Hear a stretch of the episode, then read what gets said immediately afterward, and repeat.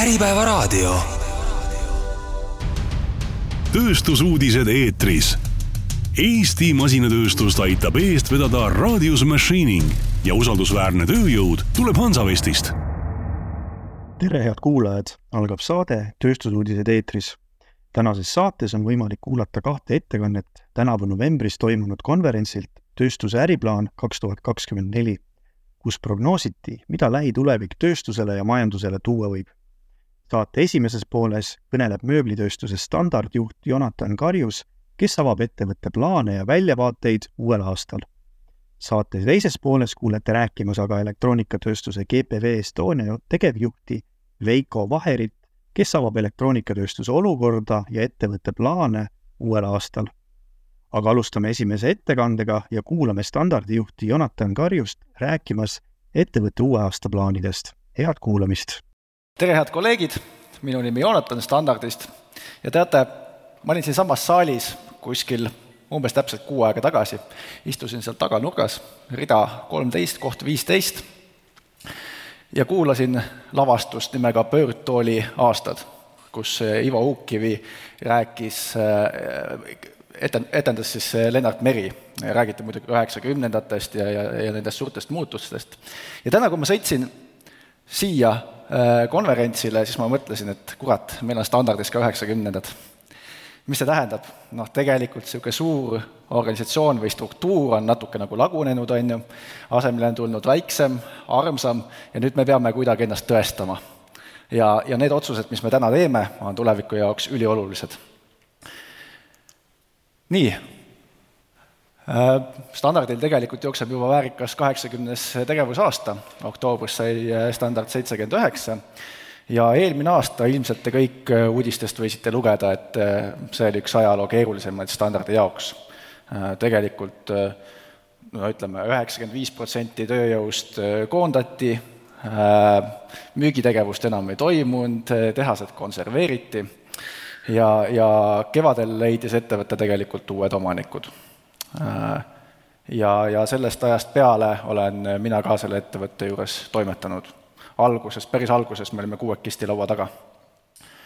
Äh, tänaseks äh, meil tootmine toimib, et varasemast kolmest tehasest on järgi üks Kosel, aga see on päris suur tehas seal on seitse tuhat ruutmeetrit tootmisala, kaks tuhat me-, ruutmeetrit veel ladusid ja meil on seal päris hea kaasaegne masinapark, kaks tagastusega kandiliini, viis puurimiskeskust, kantiv puurimiskeskus, et tegelikult masinavärk on hästi hea. ja, ja tänaseks töötab meil ka nelikümmend inimest meeskonnas. et äh, kuskil, kuskil neljast-viiest inimesest on tänaseks saanud siis nelikümmend selle, selle ligi poole aastaga. ja nagu ma rääkisin, tegelikult me alustasime täiesti nullist, okei okay,, tehas oli meil olemas, seadmed olid olemas, aga ühtegi tellimust ei olnud. Äh, meil ei olnud inimesi ka, tootmisinimesed olid ka kõik ju minema lastud. enamus müügimeeskonnast ei lastud ja siis me tegelesime sellel kevadest suveni, suveni inimeste tagasitoomisega ettevõttesse hästi tugevalt, eks ju. ja, ja, ja kaasa arvatud sellega, et masinad oleks kolitud äh, ja, ja tehasesse isegi uus võrk pandud, sest kurat, wifi purgid olid maha võetud selleks ajaks juba.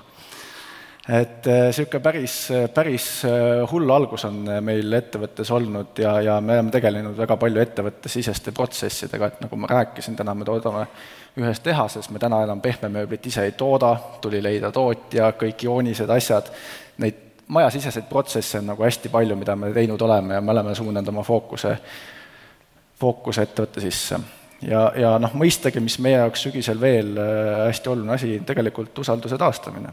see, et standard äh, oli nii-öelda stopi peal, tegelikult ju lepingud lõpetati äh, enamusega, edasimüüjad leidsid endale uued partnerid, et me oleme väga palju pidanud tööd tegema sellega, et tegelikult usaldust taastada. igal pool küsitakse, et mis see uus standard siis on, millega tegelete, on ju. kas teid saab usaldada, kas te teete ikka ära, äkki panete jälle uksed kinni, on ju, ei pane. Selle võin ära öelda ja, ja juulis meil läks tehas käima ja tänaseks eh, neljas kvartal on praegu käibe eesmärk kaks miljonit eurot. Eh, ma arvan, et see on täitsa okei okay, arvestades, et meie tegelikult püsikulud on oluliselt väiksemad kui varasemalt, meil on inimesi oluliselt väiksemad, aga see on nagu hea positsioon, kust uuesti üles minna. arvestades ka seda, et tegelikult mööblisektoris konjunktuur, me ju pärast jõuame edasi ka, ei ole midagi väga, väga, väga soodsat. nii, ma natuke keskendun siin küll büroomööblile, aga üldiselt natuke rääkides, et turusuundumused, mida nagu meie oma valdkonnas näeme. mis on päris kindel, on see, et kontorite funktsioon kogu maailmas muutub et täna, kui suured ettevõtted teevad uusi kontoreid või kui nad kolivad, nad teevad kakskümmend või kolmkümmend protsenti vähem töökohti. osadel inimestel ei olegi töökohta enam kontoris. noh, see tuleneb sellest, et osad töötavad kodus, kus iganes äh, maailmas, eks ju. Ja kontorid ei ole võib-olla enam niisugused kohad, kus on laud, tool, sa istud ja teed tööd, vaid äh, kontorid muutuvad üha rohkem niisugusteks keskkondadeks, kus inimesed käivad kool ja, koos ja suhtlevad omavahel see tähendab seda, et seal peab olema rohkem nõupidamisruume, niisuguseid arutelualasid ja nii edasi, et sellega peab arvestama. ja noh, standardi tänane tootevalik, mis on? laud ja tool, on ju. et, et see on nagu üks asi, millega meie peame nagu väga kõvasti tegelema teine asi on see, et äh, kodukontor on saanud uueks normiks, ma tean, et väga paljud ettevõtjad tegelevad sellega, et inimesi saada tagasi äh, kontoritesse just sellel põhjusel, et et nii on lihtsam tegelikult juhtida, et ekraani vahet, vahe, vahendusel on seda hästi keeruline inimeste juhtimist teha. ja inimesed omavahel ka, see, see võib olla keeruline. aga, aga milles nagu kodukontorite puhul on probleem, on see, et tegelikult need töötajad kodukontorites töötavad kes teab kuidas, diivani peal kuidagi lõsutades, aga noh, lõppkokkuvõttes tegelikult tööandja peaks mõtlema ka töötaja niisuguse tervise peale, eks ju ja, ja ma arvan, et ei ole kaugel see aeg, kui, kui tööandjad hakkavad sisustama ka inimeste kodudes kodukontoreid, kui täna seda veel ei tehta. kui tõesti see inimene kodus äh, töötab ähm,. Mida me veel oma valdkonnas näeme, seda, et hotelli- ja kruiisiäri on täna kasvutrendis, et kui me, kui me kui, kui ütleme, erakliendi puhul on tõesti nagu väga keeruline, noh, ega sa ei hakka endale uut diivanit või kohvilauda ostma siis, kui sul raha konto peal ei ole ja sul on kodulaen kõrge, eks ju. ja hea, kui söögi jaoks raha leiad. Aga, aga hotelli- ja kruiisiäri siiski, siiski on kasvamas, sest, sest pärast Covidit inimesed tahavad, tahavad reisida, aga seal on nagu oluline muudatus see, et uusehitusi on vähem, aga renoveeritakse näiteks laevandussektoris ka. Vaadatakse pigem, pigem seda, et kuidas, kuidas laev kraamist tühjaks teha ja sinna uus interjöör sisse teha, eks ju. Äh, mis veel, loomulikult e-kaubandus, sellest ma pikalt ei räägi, seda me teame kõik, äh, ESG teemad, kogu see kestlikkuse teema, millest on täna juba ilmselt kõik esinejad äh, rääkinud, et et meie näeme seda võimalusena kindlasti, mitte, mitte kohustusena ja, ja, ja viimaks üldiselt turusuundumustest rääkides, tunnetus on see, et midagi suurt on juhtumas, vähemalt mööblisektoris. et kui me vaatame üle maailma niisugune suurte niisuguste tootjate majandustulemusi, noh, jätame IKEA kõrvale ja mõned teised ettevõtted, näiteks Soomes Mardel on ju, kes seal midagi nagu rõõmustavat ei ole tegelikult vastu vaatamas. ja, ja, ja kuulda on, kuulda on ka teiste ettevõtete kohta, et et vähemalt meil siin regioonis äh, tundub, et, et mõni suur äh, võib, võib turult lahkuda. Ja see avab päris palju, päris palju ärivõimalusi neile, kes suudavad äh, siis endale niisuguse uue, uue kasvu teha. siin on üks number, alustasime nullist ja järgmise aasta käibe eesmärk on meil neliteist miljonit. selle me peame ära tegema. sest finantsidest pidi ka täna rääkima äriplaani puhul nüüd on üks väga provotseeriv slaid. me oleme siin tööstus, tööstuskonverentsil ja loomulikult standard on mööblitootja. aga see on natuke mõttelaadi küsimus, kuidas ma ettevõttes räägin. tegelikult me oleme sisustusettevõte suures pildis. et täna ei piisa enam sellest, et sa teed ühte detaili või, või, või, või sul on monotootmine ainult ühtedest materjalidest. et kui ma võtan meie äh, ühe suurprojekti, me teeme praegu Mehhikosse ühele globaalsele ettevõttele kontorit, kolme nädala pärast peaks kõik valmis olema, siis äh, selle projekti puhul me tegelikult äh, seitsekümmend protsenti kaupa toome Euroopast Eestisse, paneme konteinerisse ja kolmkümmend protsenti toodame ise. kui me seda ei teeks, me ei saaks seda tööd ehk siis äh, me peame mõtlema natuke laiemalt, et selle Mehhiko projekti puhul ongi nii, me kogume kaubad kokku, me tollime seal Mehhikos, me otsime seal paigalduse, me vastutame kogu selle protsessi eest. Et see tähendab seda, äh, mida me teeme. ühesõnaga, me küll tööstusettevõttena pöörame järjest rohkem tähelepanu teenusdisainile ja teenindusele, sest me tahame lahendada klientide probleeme ehk siis kui ettevõtte juht tuleb äh, meie juurde ja ütleb, et tal on kaks tuhat meetrit kontoripinda ja see tuleb sisustada, on ju, siis me aitame selle oskuslikult läbi viia. Kas me ise peame tegema kõik joonised, sisekujundaja joonised, eks see on läbirääkimise küsimus, aga me kaasame seal erinevates punktides eh, erinevaid inimesi, noh, me näiteks Eestis on väga häid sisedisainereid, on ju, aga sisedisainerite puhul näiteks meiesugune projektijuhtimismööbli ettevõte suudab aidata kaasa, millisugust materjalidega arvestada, on ju. milline on hinnaklass, kas eh, alati peab eh, kuskilt Rootsist tooma tippbrändi hästi kalli hinnaga või me saame seal nagu kuskil nagu kulusid kokku hoida, leida nagu häid alternatiive, on ju. et see on nagu terve protsess, mida me praegu ettevõttes läbi töötame, kuidas klienti teenindada. ja see ei ole mitte ainult hotell, äh, see ei ole mitte ainult büroo, see võib olla kool, mida iganes, on ju, et me muutume natuke rohkem niisuguseks äh, sisustuse peatöövõtjaks, kes ühtlasi toodab. Tootmine on meie jaoks oluline, sest äh, kui me võtame projekti juhtimisettevõte, ükskõik missuguse, kellel tootmist ei ole, siis tegelikult tema äh, ütleme, nagu toodete puhul ikkagi nagu hinnaga on tal raske konkureerida selle tootjaga, sel-, selle ettevõttega, kellel on oma tootmine olemas. ja seda me näeme väga selgelt näiteks hotelliäri puhul, et hotelliäri on tegelikult täpselt samasugune, nagu ma rääkisin sellest Mehhiko, Mehhiko projektist, on ju osa mööblist sa teed ise, sa saad seda väga hea hinnaga teha, aga osa on ikkagi ostumööbel. ja siis on kogu see protsess, kuidas sa tooteid välja töötad, kuidas, kuidas sa hindu alla räägid ja nii edasi, on ju. ja, ja loomulikult on aeg hakkab natuke väheks jääma, on, on meie jaoks hästi, hästi oluline ka see salongi ja e-kaubanduse müük, et me toome tegelikult, hakkame Eestisse teisi ka brände tooma. ehk siis me muutume natuke ka kaubandusettevõtteks, eks ju. aga see ei tähenda siis, et meil mingeid oma tooteid ei ole. on küll. Äh, ja, ja mida me näeme oma bürootoodete puhul on, on, on eeskätt see, et me peame seal tootevalikut oluliselt äh, laiendama.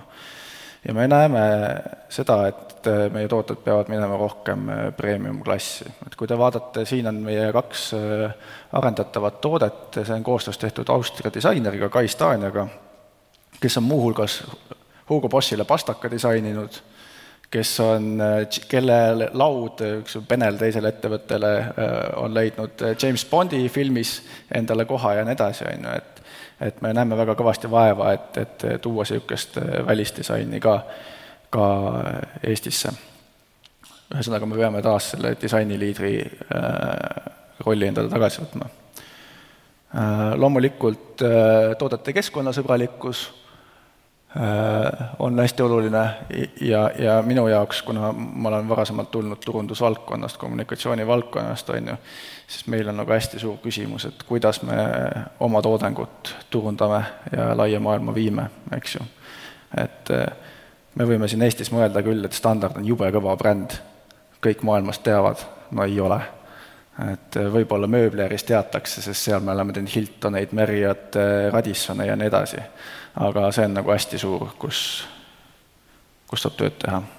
ja ettevõtte jaoks olulised investeeringud see aasta, et äh, juba sel reedel me kolime uute showroom'i Veereni tänaval, kus tuleb niisugune teenuskeskus, kus saavad sisekujundajad, kliendid tulla, vaadata materjale, tooteid, saada nõu, et niisugune väga äge teenuskeskus tuleb ja ma arvan, et see on Eestis nagu sisustusvaldkonnas suhteliselt uudne me juba juurutame uut äh, majandus- äh, ja tootmistarkvara, mis peaks äh, kevadel, noh, te teate küll, kuidas tarkvara, tarkvaradega asjad on, et loodeta-, tähtaeg on märtsis, aga millal täpselt jõuab, eks, eks see, see näis, on ju. tootearendusest rääkisin, ringmajanduse ESG teemadega tegeleme ja, ja kose, kosetehasele ka natuke, et no väike ülevaade. ja kui rääkida nüüd mööblisektorist laiemalt, eks ju, siis Äripäeva ajakirjanik Janno mulle saatis just hiljuti andmed kommenteerida, et et järgmise kuue kuu kindlustunne, eks ju. millegipärast mööblisektoril on nagu üks, üks kehvemaid. Ja see vastab tegelikult äh, tõele ka nagu selles mõttes, et kui business to business sektoris veel projektid liiguvad, siis äh, erakliendi puhul on ettevõtetel praegu päris raske ja eriti neil, kes äh, ekspordivad Soome, Rootsi, Norra, sellesse nagu piirkonda Skandinaaviasse. et ega seal midagi teha ei ole. aga noh, see ei ole ainult Eesti tootjate probleem suures pildis, sest äh, samad probleemid on igal pool Euroopas, et see siin on Euroopa Komisjoni lehelt, võtsin välja, see oli üks mööblitööstuse raport ja mis siis nagu mööblitööstuse suuremad probleemid on? toodetakse odavamalt Hiinas ja Indias, no seda me teame. Ja see, see keskkonnakomponent ei ole veel nii oluline ja nad on ikkagi nagu hinna, hinnavõidus oluliselt meie oma toodetega.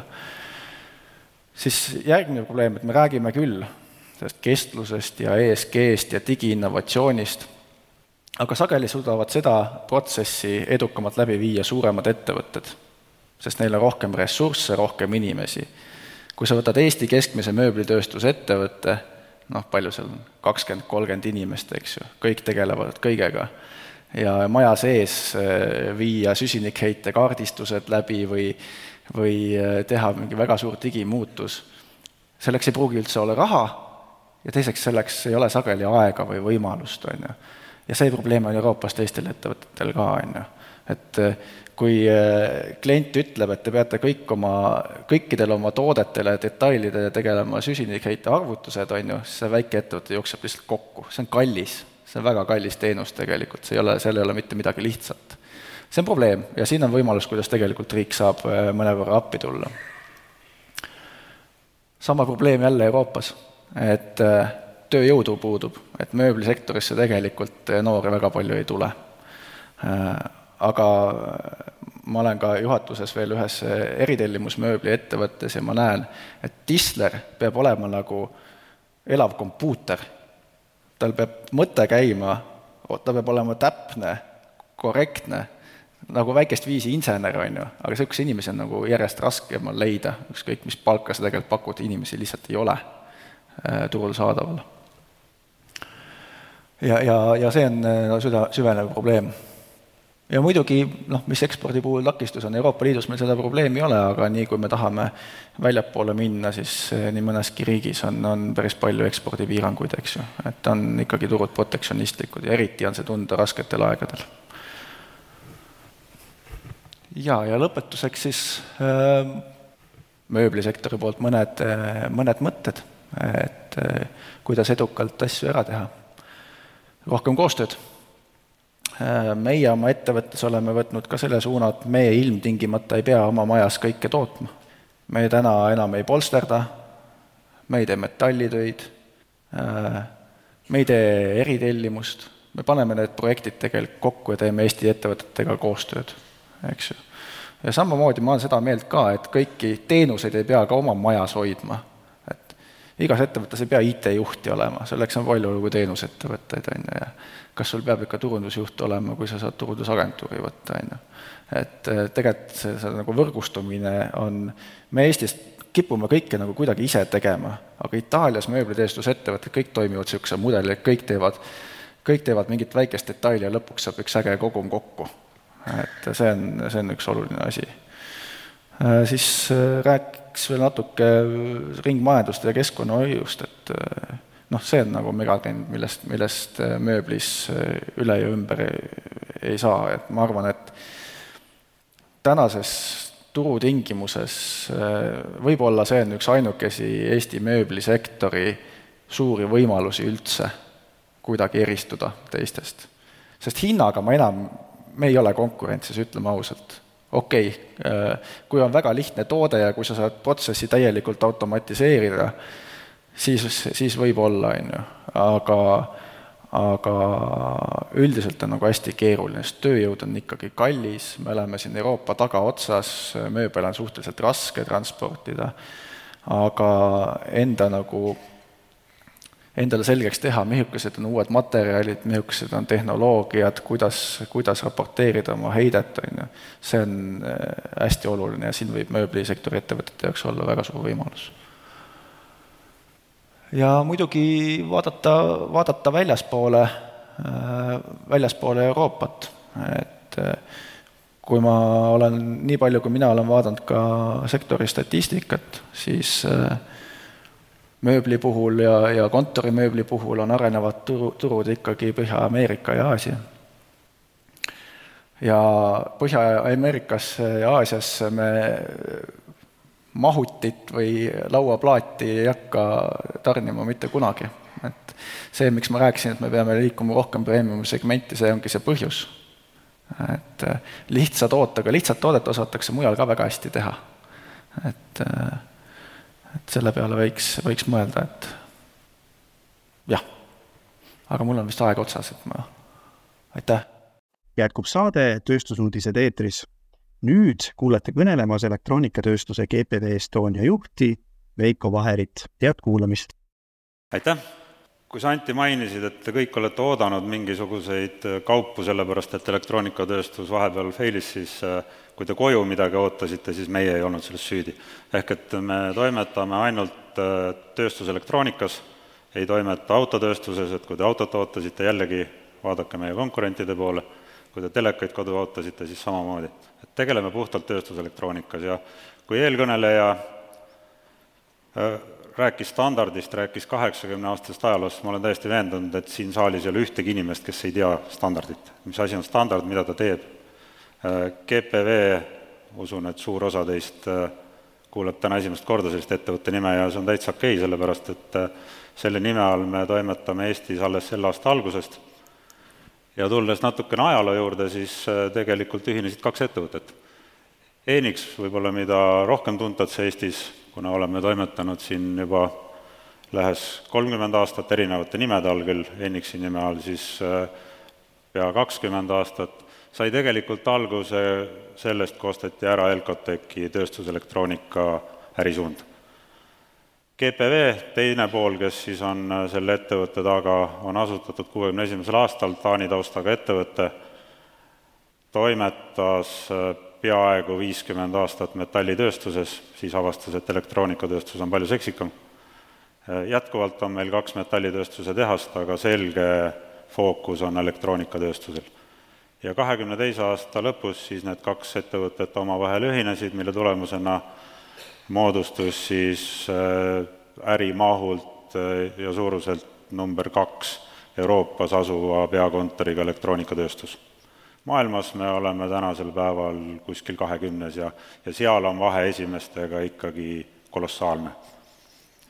rääkides natukene Eesti GPV-st, millega me tegeleme, kus me toimetame, nagu Anti mainis, toimetame Elvas, äh, alustades võib-olla kõige lõpust, oleme Lõuna-Eesti suurim tööandja enda arvates, kui rääkida äriühingutest, et loomulikult me ei võistle Kaitseväega, me ei võistle Tartu Ülikooliga, aga äriühingutest me oleme Lõuna-Eesti suurim tööandja oma hetkel üheksasaja kahekümne viie töötajaga, saavutasime selle aasta keskpaigas ka taseme tuhat viiskümmend, on toimunud väike korrektsioon, tänasel päeval on meid üheksasada kakskümmend viis.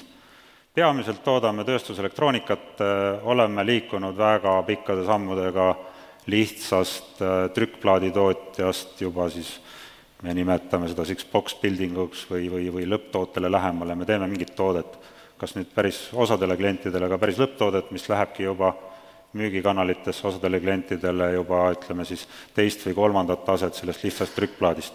kuigi ka trükkplaat on, või noh, mitte ka, vaid trükkplaat ongi meie tootmise alus, me ei tee ühtegi toodet, milles trükkplaati sees ei oleks. Ja, ja järelteenindusega tegeleme ja, ja mis kindlasti meie Eesti ettevõtet ka kogu grupis iseloomustab, meil on väga tugev inseneeria, meil on Elvas äh, tööl kaheksakümmend elektroonikainseneri, äh, kellest äh, tubli kolmandik on kogu aeg mööda maailma laiali, klientide juures peamiselt klientide juures. Kui me räägime meie klientidest, siis nimedest me nagu ikka ütleme, tavapäraselt ettevõtted ei räägi, räägime sektoritest, meie kliendid on ehitussektoris, cleantechis, tööstuses ja transpordis, ehitussektoris me mõtleme kinnisvarasektorit, aga me ei räägi kindlasti Soome-Rootsi kinnisvaraturust, me räägime pigem globaalsest kinnisvaraturust. Cleantechis ei ole ainult taastuvenergiad, on ka ringmajandus ja, ja see teemad, tööstus, kõik, mis puudutab tööstusseadmetesse vajalikku elektroonikat, robotiseerimine, digitaliseerimine, väga, väga trend ja väga kasvav. ja transport on peamiselt siis äh, raudteetransport meie mõistes, autotööstusele me midagi ei tee. kahekümne teise aasta käive oli meil sada üheksakümmend miljonit eurot, äh, asume me siis või GPV-l on üheksateist tehast kolmeteistkümnes riigis, kolmel kontinendil, äh, kahekümne teisel aastal me täitsime Elva tehasest kakskümmend kuus tuhat tellimust, viitekümne viite sihtekoht, sihtkohta ja ja viis koma viis miljonit toodet saatsime välja. ja võib-olla üks huvitav number veel, et me kasutame ühes aastas umbes äh, üks miljard komponenti, mida me siis oma toodetele peale paneme. seda ei tohtinud kasutada. vabandust, ma pidin oma presentatsiooni ära saatma mõned päevad varem. aga selle slaidi mõte on tegelikult sama. et kas see, kus me oleme, on siis päriselt kriis või on see uus reaalsus. Äh, lihtsalt guugeldasin natukene, et palun siis äh, need inimesed, kes on siin oma kommentaare andnud, andku mulle andeks, ma lihtsalt guugeldasin natukene ja, ja tõmbasin screenshot'i, aga näidata seda, et viimased viis aastat me räägimegi ainult kogu aeg kriisist.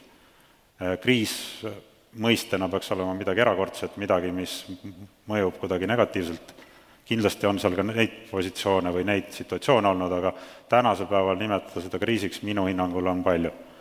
Äh, vaadates ka meie enda tehase äh, sellist lühiajalugu. pooleteist aasta jooksul me oleme olnud peaaegu kõikides võimalikes kriisides. me alustasime kahekümne teise aasta kevadet olukorras, kus äh, olid väga suured komponentide tarneraskused.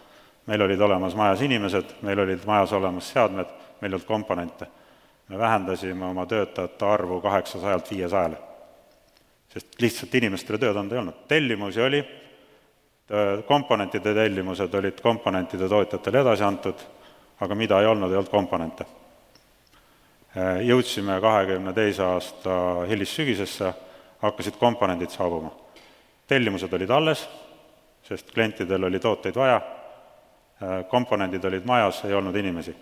hakkasime tohutult kiiresti värbama inimesi, jõudsime nelja-viie kuuga tuhande inimeseni inimesed oli vaja koolitada, elektroonikatööstus, kuigi inimeste arv on suur, on suhteliselt keeruline tööstus, suhteliselt äh, suured nõudmised on inimestele, saime inimesed, hakkasime suure hooga tootma, hakkas tellimus järjest rohkem klientidelt peale tulema. sellest, miks neid peale hakkas tulema, ma räägin hiljem, me ei jõudnud ära toota. Investeerisime seadmetesse juurde päris palju, investeerisime tootmispindadesse juurde nii kogu grupis kui ka Elvas ja nüüd oleme jõudnud olukorda, kus äh, tellimused on hakanud vähenema.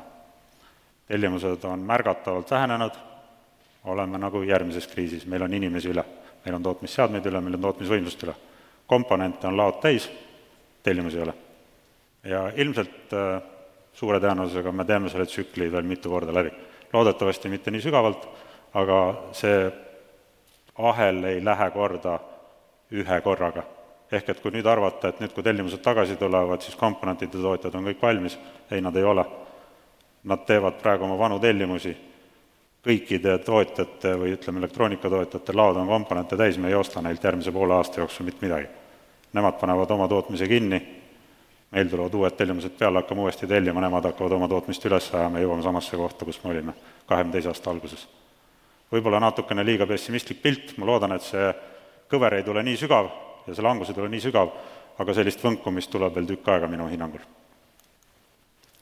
kus me tänasel päeval oleme? enne, kui me läheme kahekümne neljanda aasta juurde ja mis on meie plaanid selleks, räägime sellest, kus me oleme novembris kakskümmend kolm. tellimuste maht on vähenenud, mis on läbiv kõikides tööstusharudes, kellest me täna siin räägime, aga mis elektroonikatööstuse puhul on oluline märkida, tellimuste maht on vähenenud Euroopas kui me vaatame Aasiat, siis Aasias vähenes tellimuste maht umbes noh, pea aasta tagasi, see mahtude vähenemine hakkas kahekümne kolmanda aasta alguses. tänasel päeval on Aasias näha juba teatud äh, mahtude kasvu. ja, ja nad on sellest põhjast selgelt läbi käinud. Ja see ei puuduta ainult kinnisvarasektorit, vaid see puudutab elektroonikatööstust üldiselt. kui me räägime Ameerikast, täna oli siin juttu hommikul äh,, mida Ameerika riik teeb selleks, et äh, oma majandust kuidagi kiirendada, siis äh, elektroonikatööstuses äh, USA täiesti buumib. seal ei ole mingit küsimust, seal ei ole olnud mitte mingit langust, kui me räägime oma klientidega, siis nad näevad oma sellist viie-kuueaastast tulevikku ainult väga-väga-väga ilusates toonides. tohutult buumib, kogu riigi elektrisüsteem ehitatakse ümber kogu rohetehnoloogia, millesse nad panustavad ja kust, nagu ka hommikuses paneelis juttu oli, nad võtavad riske, aga nad selgelt panustavad sinna. ehk et see tellimuste maht on vähenenud ainult Euroopas. tootmisvõimsusi Euroopas on meil piisavalt, nagu ma varem ütlesin, me olime sinna viimastel aegadel väga palju investeerinud, tänasel päeval on meil Elva tehas nelikümmend protsenti vaba mahtu. võiksime rahulikult nelikümmend protsenti rohkem toota. aga see on täna. pool aastat tagasi oli meil tellimusi nii palju, et me ka kakskümmend neli seitse toimetades ei suutnud neid tellimusi täita. komponentide tarneajad, et kui komponendist on palju juttu olnud, komponentide tarneajad on paranenud, aga nad ei ole kaugel normaalsed. Paranenud tähendab seda, et kui pool aastat tagasi oli meie keskmine komponendi tarneaeg sada kaheksakümmend päeva, meil on äh, portfellis või me ostame siis äh, püsivalt kahtekümmet tuhandet erinevat toodet või noh, komponenti, eks elektroonikakomponenti, mis iganes nad siis on, äh, tarneaeg keskmine oli sada kaheksakümmend päeva, tänasel päeval on see sada päeva. areng on olnud muljetavaldav, sada päeva keskmisena kahekümnest tuhandest, see tähendab, et meil on päris suur hulk komponente, mida me saame seitsme päevaga.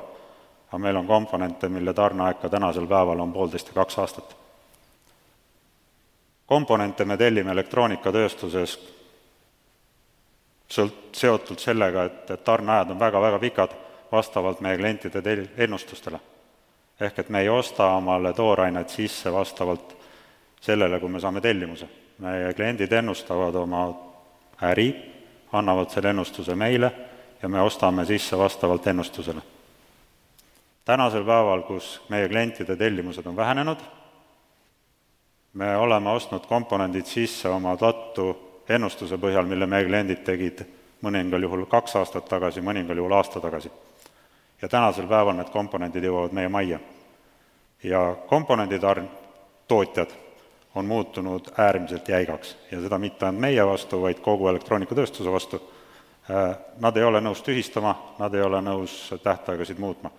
see ei ole, see on üldistus, kindlasti on seal ka erisusi, on väga paindlikke suures pildis nad püüavad kaitsta, nad näevad, mis turul toimub, nad näevad sedasama tsüklilisust, nad püüavad tänasel päeval kaitsta oma äri.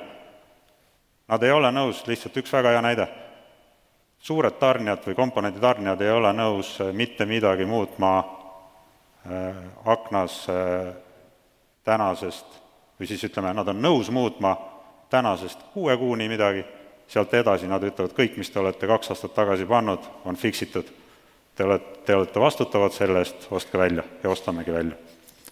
laoseisud on väga suurene, suured ja suurenevad jätkuvalt, kogu elektroonikatööstuse selge väljakutse nii kahekümne kolmandal aastal olnud, muutub veel suuremaks väljakutseks kahekümne neljandal, kahekümne viiendal aastal.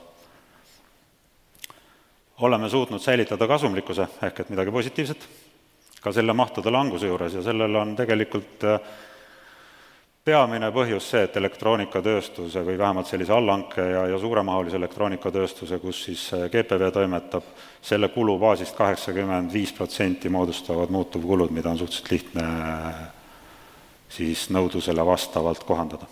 väga tooraine, väga komponendi kulukeskne tootmine. Kliendi riskid on hajutatud ja, ja see on ka põhjus, miks meil tänasel päeval, meil on mahud küll langenud, aga me ei ole kaugeltki kuskil kriisis ja kliendiriske saab ja peab hajutama aegadel, kui on head ajad. mis olid näiteks aasta tagasi, mis oli veel ka pool aastat tagasi. kliendiriskide all me mõtleme seda, kuidas me oleme hajutanud oma kliendiportfelli sektorite kaupa. kui üks sektor äh, kuidagi, ühel sektoril ei lähe hästi, siis mõnel teisel sektoril läheb võib-olla natukene paremini, nagu me näitasime, Elva tehases on neli suhteliselt võrdset äh, sektorit esindatud. teine, mida me selgelt vaatame, on see, et ühe kliendi osakaal meie toote või meie siis tootmisportfellis oleks liiga suur. ehk et kui sellel kliendil midagi äriliselt juhtub, tema turul midagi juhtub, et selle mõju meie tootmisel oleks võimalikult väike ja, ja kolmas, mida me selgelt vaatame, on siis see, millises valdkonnas siis klient oma lõpptoodet turustab, et kas see on väga kriitiline valdkond, kus, kus tootevead võivad põhjustada inimelu kaotuse, on see vähem kriitiline valdkond võib-olla, kus, kus tootevead põhjustavad väga suuri kulusid, aga, aga ei põhjusta kellegi, ohtu kellegi elule, või on see siis tavaline selline olmeelektroonika, et kui teil kodus konditsioneer kaks päeva ei tööta, on ebamugav küll, aga te elate selle üle, eks, et ka need kolm asja tegelikult meie kliendid ja, ja turud käituvad väga-väga erinevalt. Suuremad väljakutsed kahekümne neljandaks aastaks, nii kuidas meie neid näeme, vaatame kolm osapoolt selles ahelas, komponentide tarnijad, tarneajad on jätkuvalt pikad, kuigi nad on paranenud, aga jätkuvalt on suured probleemid teatud komponentide tarnekindlusega. väga palju on viimase hetke väljalükkamisi. See tähendab seda, et me oleme mingid komponendid tellinud näiteks aasta tagasi, nad on meil tootmisplaanis, komponendid peaksid saabuma millalgi nüüd ja viimasel hetkel tootja teatab, ei, uus tarneaeg on kuue kuu pärast. täiesti igapäevane elu. jäikus tellimuste tühistamisel ja muutumisel, komponenditarnijad kaitsevad oma äri, kaitsevad oma turgu, nad saavad aru, et nad saavad selle selle turu kõikumisest oma osa nagunii, nad püüavad seda edasi lükata nii palju kui võimalik, äriliselt täiesti mõistetav, teistpidi nende partner olles võiks natukene rohkem paindlikkust eeldada. suur tellimuste maht, aga see kõik tellimuste maht on minevikust, kui tellimuste mahud olid suured elektroonikatöötajatel ja nüüd nad siis toodavad, toodavad ja muudkui saadavad meie lattu ega meil nagu palju midagi teha ei ole, kui noogutada ja proovida oma klientidega koostöös siis mingeid lahendusi leida. tööstus, ressursi planeerimine kiiresti muutuvates oludes, nagu ma ütlesin, hästi kiiresti tuleb äh, reageerida langusele, kuna marginaalid on madalad ja ja me peame reageerima oma kulubaasiga muutustele väga kiiresti, teistpidi me peame suutma reageerida väga kiiresti ka siis, kui meie klientidel läheb hästi, millega me tegelikult ju aasta tagasi jäime jänni. me ei suutnud mitte ainult GPV, vaid kogu elektroonikatööstus tegelikult ei suutnud oma klientidele tarnida seda, mida kliendid ootasid. Ja suur laoseis, millest me juba oleme päris palju rääkinud. meie kliendid, hinnasurve, sellist hinnasurvet äh, mina ei ole oma elu jooksul tunnetanud, nagu on meie klientide ootused hindade langusele kahekümne neljandal aastal. põhjused, põhjendused on erinevad aga hinnasurve on kindlasti viimase kümnendi kõige suurem. vähenev nõudlus, nagu me ütlesime, klientidel vähenev nõudlus, samas kui me jõuame edasi minu ettekandes, siis seal on see küsimus, et see, need signaalid on vastuolulised, ühtepidi me näeme, et meil tellimusi ei ole, teistpidi, kui me klientidega räägime, kliendid ütlevad, et nõudlus on turul nagu olemas, aga see ei väljendu kuidagi meie, meie tellimustes. Ennustuse ebausaldusväärsus, ehk et mitte süüdistusena, ebausaldusväärsus on natuke paha sõna, pigem et äh, nii muutuvas maailmas nii pikkade tarneaegadega ei olegi võimalik väga usaldusväärset ennustust teha. ja samamoodi, suur laoseis, ka meie kliendid on oma laod äh, elektroonikatooteid täis ostnud, sellepärast et nad tulevad just ajast, kus neil olid väga suured äh, probleemid elektroonikatootjatega. meie jaoks kahekümne neljanda aasta edu alus on kliendikesksus väga selgelt me oleme selle endale fookusse võtnud, pidev areng, ehk et selline pidev areng nii töötajate arendamisel, protsesside arendamisel, kliendisuhete arendamisel, väga selge fookus. ja selle arengu mõõtmine, ehk et kuhu me liigume, kuidas me liigume, selle jagamine klientidega, klientidega suhtlus. kliendi probleemide lahendamine, ehk et me peame aru saama, mis on meie kliendi mured seoses elektroonikaga. meil ei ole vaja olla või meil ei ole mõtet olla lihtsalt tuim tootja me peame olema oma kliendile lähedal, aru saama, mis teda, mis tema äri mõjutab, kuidas saame meie seda aidata, kuidas me saame kliendi muret lahendada, ainult nii me suudame vabandust, ma olen ühe, ühe kliki võrra hiljaks kogu aeg, turudünaamika, ehk et seesama, ühelt poolt kliendid ütlevad, et turul on nõudlus olemas, teistpidi meie tellimustes seda ei näe. me peame aru saama, kuidas turg toimib, me peame rohkem suhtlema oma klientidega, me peame rohkem suhtlema, meil on globaalselt suured kliendid, me peame suhtlema väga erinevate inimestega kliendiorganisatsioonis. kui me ainult müük, müügiorganisatsiooni kuulame, siis me äh, toome lattu veel rohkem materjali juurde. kui me kuulame ainult insenere, kes on äärmiselt konservatiivsed tavaliselt, siis me oleme võib-olla liiga, et me peame aru saama, kus me oleme. proaktiivsus püüame ise tulla kliendi juurde, öelda, et me lahendasime teie mingi probleemi. on see kuluefektiivsem tootmine, mingid paremad komponendid, et ärme oota, kuni klient tuleb meie juurde ja ütleb, et kui te meile paremat hinda ei paku, siis me läheme teie konkurendi juurde. Lähme ise kliendi juurde ja ütleme, et me leidsime. kindlasti tugevdab kliendi suhtlust ja lõppkokkuvõttes on see win-win, mida me ju kõik tegelikult oma äris tahame. me tegutseme hästi dünaamilisel turul, millest oli siin ka hommikupoole juttu tootmise mõttes kliendi ennustuse ja tootlusvõimekuse tasakaalustamine, et äh, me peame seda tasakaalustama, sest meil ei ole võimalik oma tootmist üleval hoida niimoodi, et ühel hetkel on meil nõudlus ja inimesi tuhat ja järgmisel kuul on meil neid kolmsada ja ülejärgmisel kuul on jälle tuhat. me peame klientidega suutma selle ära tasandada, vastasel juhul me ei suuda elus püsida ja efektiivsed olla. me jõuame tagasi tootmise basic'u juurde, ehk et äh, aasta tagasi ükski klient ei küsinud, mis teie on-time delivery on, kõik küsisid, et mis te meile järgmine nädal saata saate, mis te meile ülejärgmine nädal saata saate. nüüd me jõuame basic juurde tagasi, kliendid tahavad näha meie OTD-d, nad tahavad näha meie kvaliteeti, nad tahavad näha, et me vastame oma päringutele kiiresti. elementaarne, lihtsalt kiiretel aegadel unustati see ära, kuna prioriteedid olid teised. Kulubaas tuleb Priitist üle vaadata, mis on loogiline, konservatiivne investeeringute plaan, nii muutuvas olukorras ja nii vastuoluliste sõnumitega turul me oleme väga konservatiivsed oma investeeringute tegemisel. aasta tagasi me suurendasime oma tootmisvõimekust grupis kokku rohkem kui kümme protsenti nii pindalalt või ruutmeetrite arvult kui ka seadmetelt, sellel aastal me oleme äärmiselt konservatiivsed. ja kas tuleb, aga millal, kõik teavad, et kas tuleb. aga kas kõik jõuavad selle ära oodata, see on iseküsimus. Ja lõpus võib-olla natukene brutaalne, natukene loosunglik, aga kõik algab rahavoogudest, cash is king, kui me räägime kahekümne neljandast aastast. räägime suurtest laovarudest, kogu ettevõtte juhtimise alus on rahavoogude juhtimine, vähemalt elektroonikatööstuses ja vähemalt kahekümne neljandal aastal. aitäh! selline saigi seekordne saade. Te kuulsite kahte ettekannet, mis salvestati novembri keskel toimunud konverentsil Tööstuse äriplaan kaks tuhat kakskümmend neli. Saate esimeses pooles kõneles mööblitööstuse standardjuht Jonathan Karjus kes rääkis ettevõtte tulevikust ja mööblisektori olukorrast. saate teises pooles kuulsite rääkimas aga elektroonikatööstuse GPV Estonia tegevjuhti Veiko Vaherit, kes avas GPV Estonia edasisi plaane ja analüüsis pisut ka praegust majandusolukorda. aitäh, et kuulasite!